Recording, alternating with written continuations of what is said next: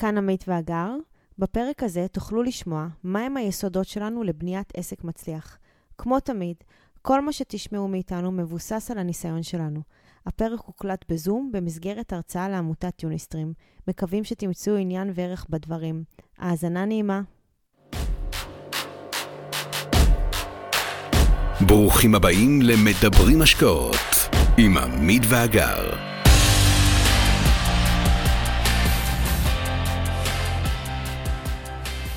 טוב, ומפה אנחנו זורמים, אחרי שהבנו על המוצר, אז אנחנו צריכים להבין גם כמה מרוויחים מכל מוצר, בסדר? כי כבר היה רעיון, ונתנו לו, עשינו לו את המחקר שוק, והבנו מי יהיה קהל היעד, ועכשיו אנחנו צריכים להבין מה יהיה הרווח, כי אנחנו לא נייצר משהו הפסדי, בסדר? צריכים להבין, זה סבבה להיות יזם וזה, אבל בסוף צריך להרוויח ולהרוויח כסף.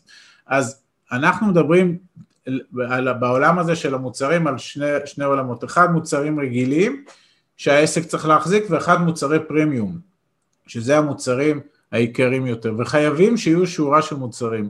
לקוח חייב להיות חשוף למוצרי המשך. עסק לא יכול להיבנות על מוצר אחד. אין עסק שרוצה לשרוד לאורך זמן שיש לו רק מוצר אחד. אפילו עכשיו ראיתי, אה, איזה פיצה זאת, דומינוז? ש...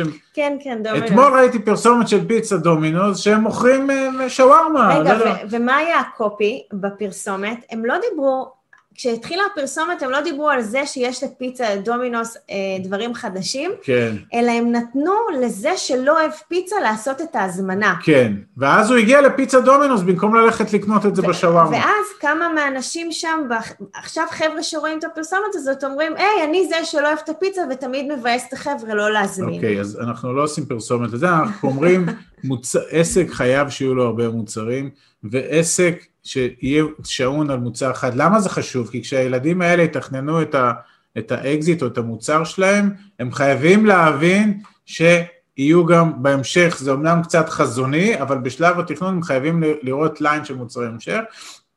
נכון יהיה ליצור מוצרים ראשוניים שמאופיינים במחירים נמוכים יחסית, כדי להכניס אותם לבית הלקוח, בסדר? אולי הדוגמה הכי טובה בהכנסה לבית הלקוח זה, זה, זה אלקסה של, של אמזון, שהוא דוחף את הדבר הזה לבית של האנשים והופך אותה לבת בית, אבל היא דרכה כל הזמן מזמינים עוד ועוד ועוד מאמזון. כשהלקוח אסף אליו את המוצר הראשוני, הכניס אותו לבית, קיבל ממנו ערך, חייב הערך חוזר כל הזמן, יהיה לו כבר יותר טבעי לרכוש את המוצר הנוסף מהמותג שלנו, והמוצרים הנוספים כבר היו יקרים יותר ובעלי ערך יותר.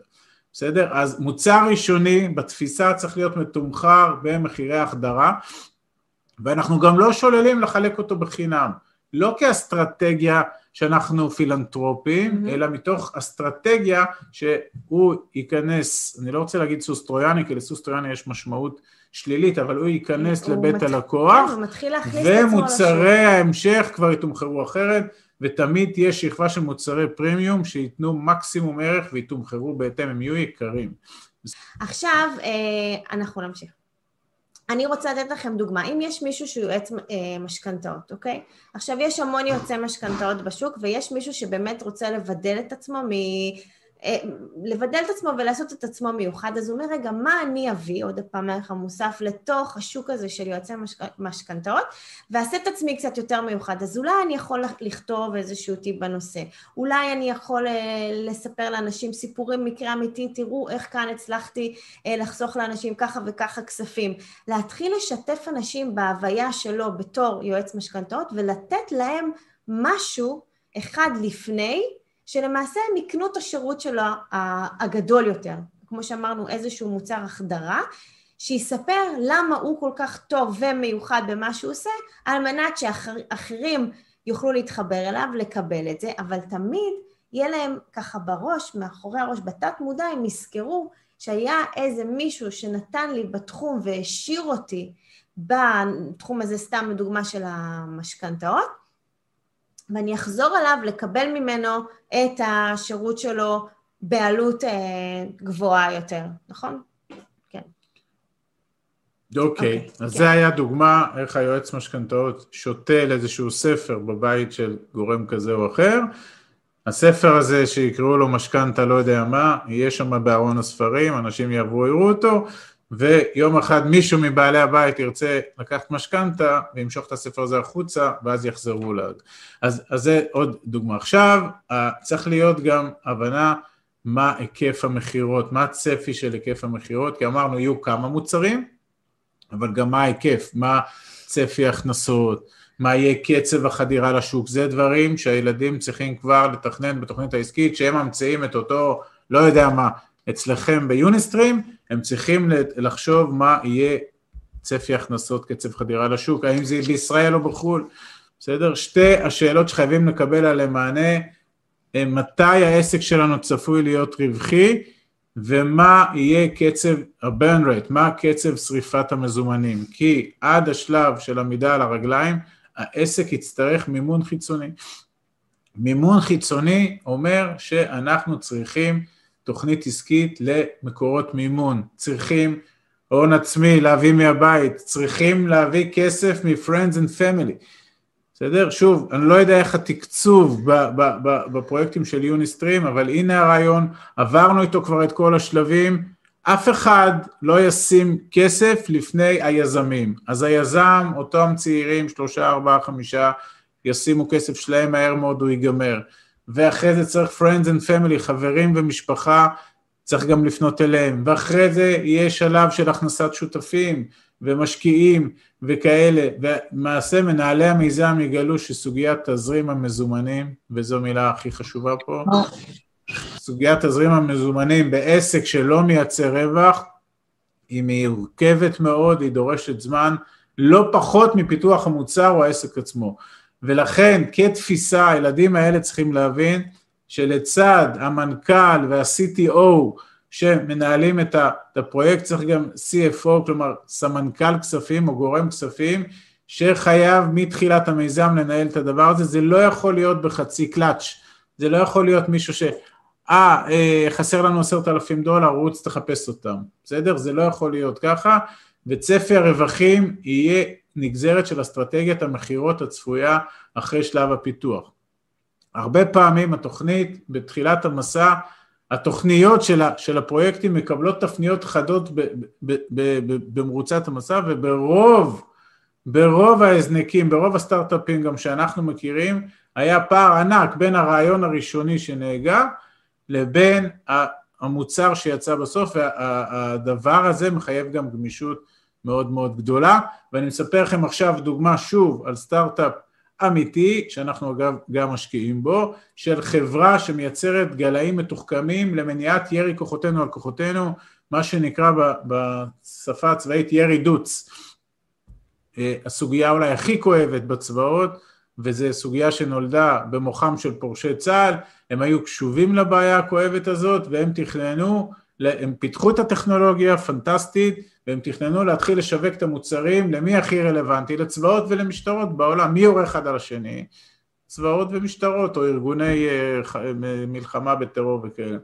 אבל אז במקרה או לא במקרה הם בכלל גילו בשלב מוקדם ששוק הציד בארצות הברית, בסדר? בארצות הברית 330 מיליון איש, יש 24 מיליון ציידים בארצות הברית, והציידים האלה מעורבים באלפי תאונות ירי דו צדדי מדי שנה, הם פוצעים אחד את השני, הם הורגים אחד את השני, אתם יודעים, הם עושים ציד כזה משוכלל ועם כלבים וזה, אז הם גם יורים בכלבים שלהם בטעות, והם גם יורים בחברים שלהם, ובאמת אלפי אלפי תאונות, ואז הם הלכו וחקרו את השוק הזה, והתברר שיהיה הרבה יותר קל לחדור עם, לשוק עם מוצר קטן לציידים שמתלבש על הנשק שעולה כמה מאות דולרים, מאשר לעמוד בתנאי מכרז ארוך מאוד ויקר שלדוגמה צה"ל יכניס לחטיבות השריון שלו איך הטנקים לא יראו על החי"ר, תנסו להבין.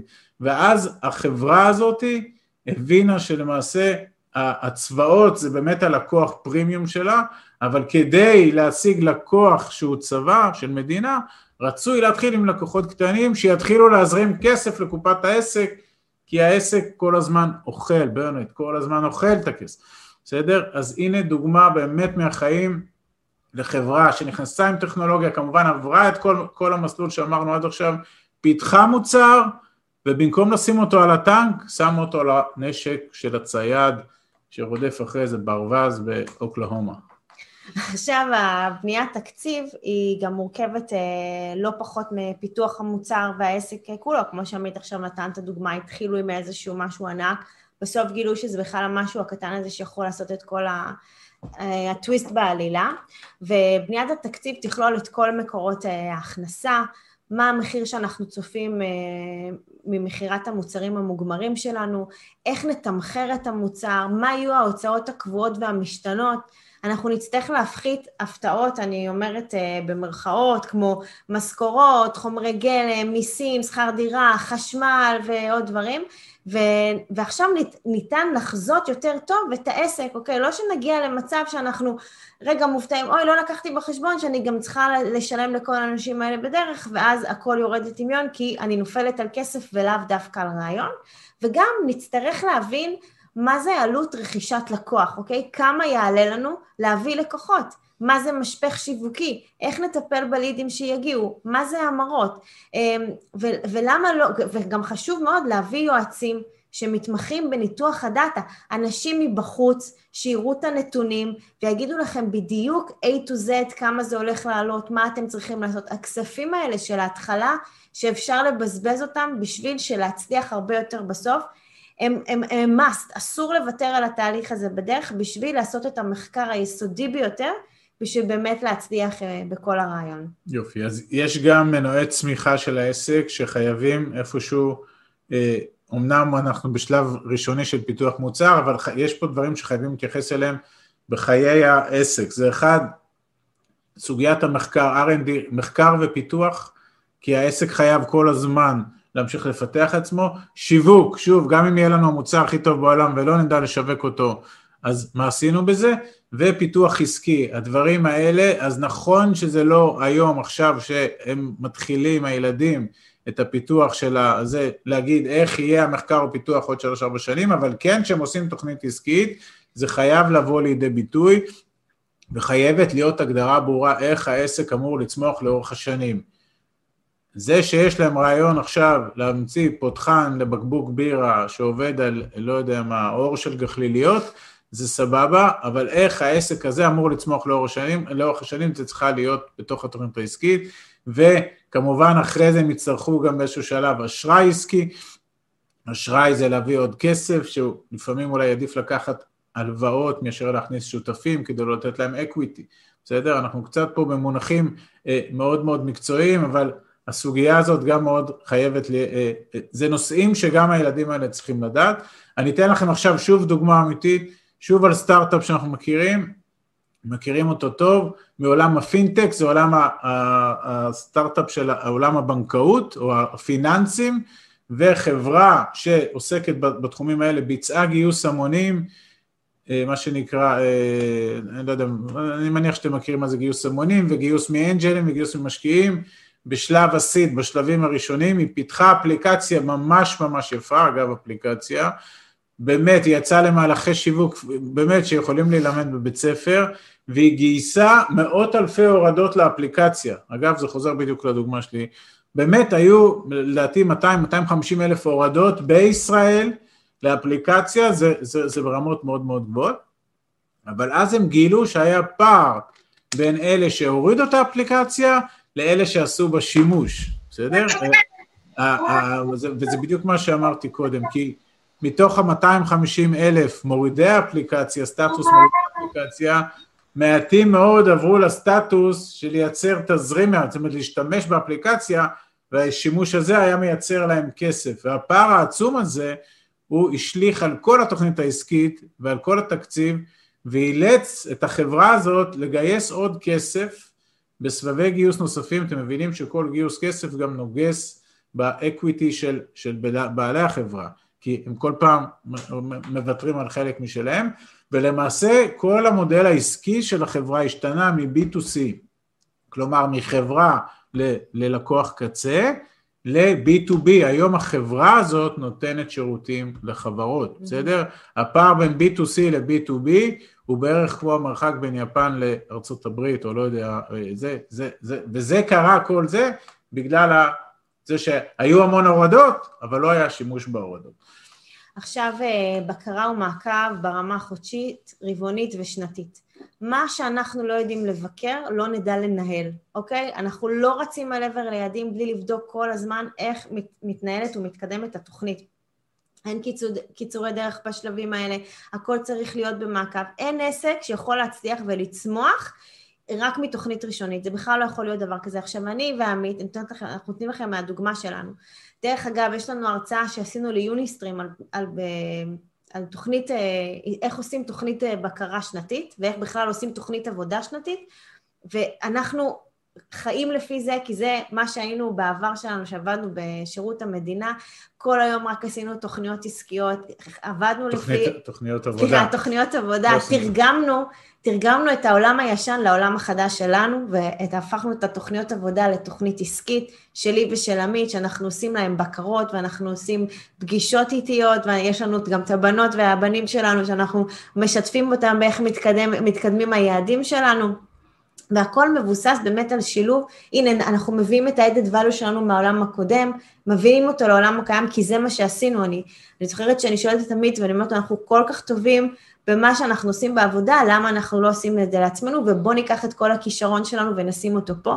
כאן המורים, דברים שהם יודעים, איך מנהלים תוכנית, איך בונים מערכי שיעור, זה דברים שהם יודעים בשוטף שלהם, את זה הם צריכים להביא לילדים ולהראות להם איך לבנות את התוכנית הבקרה על בסיס היעדים שהילדים קובעים לעצמם, עם תוכנית, עם יעדים, עם לוחות זמנים, הכל צריך להיות מאוד קצוב.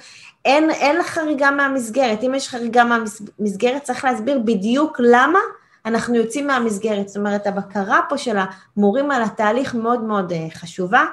אמ, עכשיו נכון, אין באמת הלימה בין התוכנית שאנחנו, למשל אנחנו, התוכנית שהשקנו בראשון לראשון 2020, לבין התוכנית עבודה שבסוף עשינו ב-2020, שונה לחלוטין, כולכם יודעים, במרץ קיבלנו פה את הקורונה, ואז ישבנו ומיד עשינו חשב מסלול מחדש, ואמרנו איך אנחנו הולכים להתמודד איתה, מה זה אומר, מה המשמעויות, היה לנו ראש פתוח לקחת את הסיטואציה ולהסב אותה לטובת הקהילה שלנו ולטובתנו, וזה מה שעשינו. כנ"ל לגבי הילדים, הם מתחילים עם רעיון כלשהו, הוא כנראה יעבור תהפוכות בדרך, כמו שאני ועמית ראינו בלייב, קורה בחיים שלנו מול הסטארט-אפים שהיינו חלק, חלקם השקענו, חלק לא, וראינו באמת איך הכל משתנה, כל הזמן צריכים להיות עם יד הדופק ולהבין מתי למעשה אנחנו יודעים אה, לעשות את החישוב אה, מסלול מחדש. אוקיי, okay. שלב הבא זה שלב הטקטיקה והאסטרטגיה, אנחנו קוראים לזה רגליים בבוץ וראש בעננים. הרגליים בבוץ זה הטקטיקה שעד רמת הבורג, והראש בעננים זה אסטרטגיה, כי עסק שרוצה לפרוץ חייב לחשוב בגדול. זאת אומרת, הילדים האלה לצד כל מה שאמרנו להם, שאתם, שיש מכשולים וקשיים ולקוחות ומחקר שוק ורווחיות וכל זה, הם צריכים לחשוב בגדול והם צריכים להרים את הראש מפס הייצור. חייב להיות פונקציה בעסק שעסוקה בעתיד, בסדר? אז שוב, זה ילדים וזה רק תחילי, וזה, אבל הם צריכים להכניס את הדבר הזה. תמיד, תמיד יותר קל לחשוב במונחים של כאן ועכשיו. לכולנו קל לראות מעבר לאף. יום, שבוע, חודש קדימה, אבל קשה מאוד לדמיין חזון של שלוש וחמש שנים. אתם מכירים בתוכניות ריאליטי, איפה תהיה עוד חמש שנים? אז אה, זה, זה מין שאלה שצריך לחשוב עליה, וזה, וזה צריך לדבר עם הדמיון, וצריך לדבר, והדמיון צריך לתרגם אותו לתוכנית עבודה.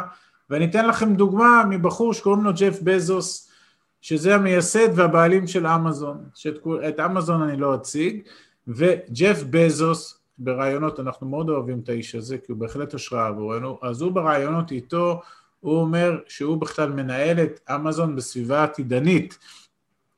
ומה זה אומר? הוא אומר שהוא והסגל הבכיר, או מה שנקרא, ההנהלה הבכירה של אמזון, הם לא שקועים, אגב, יש להם מיליון וחצי עובדים לדעתי היום לאמזון, הם לא שקועים בהווה, הם שקועים, ב, הם מתכננים, הם רואים, הם שמים את עצמם באיזה מכונת זמן דמיונית, והם מחפשים מענים חדשניים, וזה מילת המפתח, שהם מחפשים חדשנות, מה יקרה עם אמזון, וכמובן עם כל העולם סביבם, עוד שלוש שנים.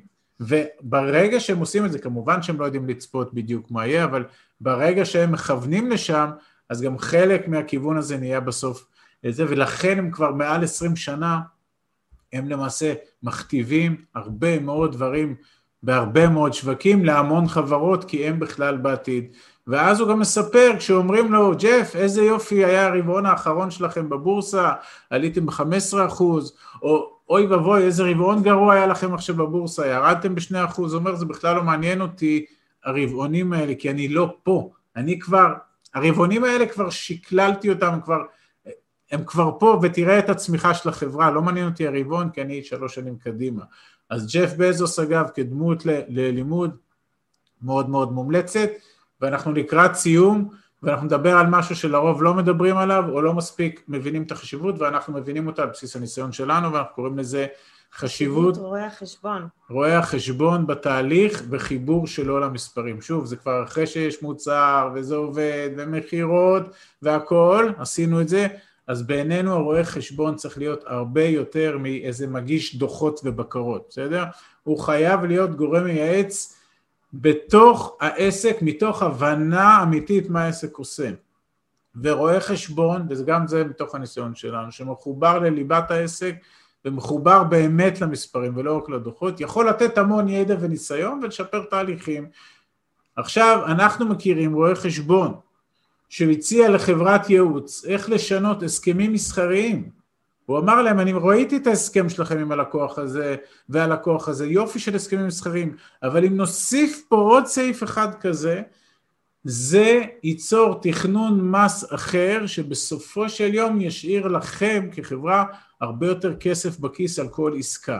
בסדר? רוב רואי החשבון הזה, אני אומר לכם באחריות, לא יגיעו ל-level הזה של כניסה כל כך עמוקה פנימה, הבנה של העסק, הבנה לאן העסק שואף, הבנה של מי הם הלקוחות, ואז ימצא נישה שבעקבותיה המס בסוף שישולם על ידי העסק יהיה יותר נמוך, כמובן הכל לפי החוקים, כן? כמובן. וישאיר לעסק יותר כסף בכיס, זה בעינינו Game Changer, ולרוב לא מדברים על זה, אבל לנו זה מאוד חשוב לומר, כי אנחנו רואים את זה ביום יום. תודה. תודה. ביי לכולם. מי שממש רוצה להכיר ולהיחשף להזדמנויות ההשקעה בהן אנחנו משקיעים, מוזמן לאתר שלנו, תוכלו למצוא הכל שם. אנחנו כמובן גם פעילים בכל הרשתות החברתיות, מוזמנים לעקוב אחרינו. אם אתם מכירים אנשים נוספים שהתכנים שלנו יכולים לסייע להם, נודה לכם מאוד אם תשתפו אותם. להתראות חברים.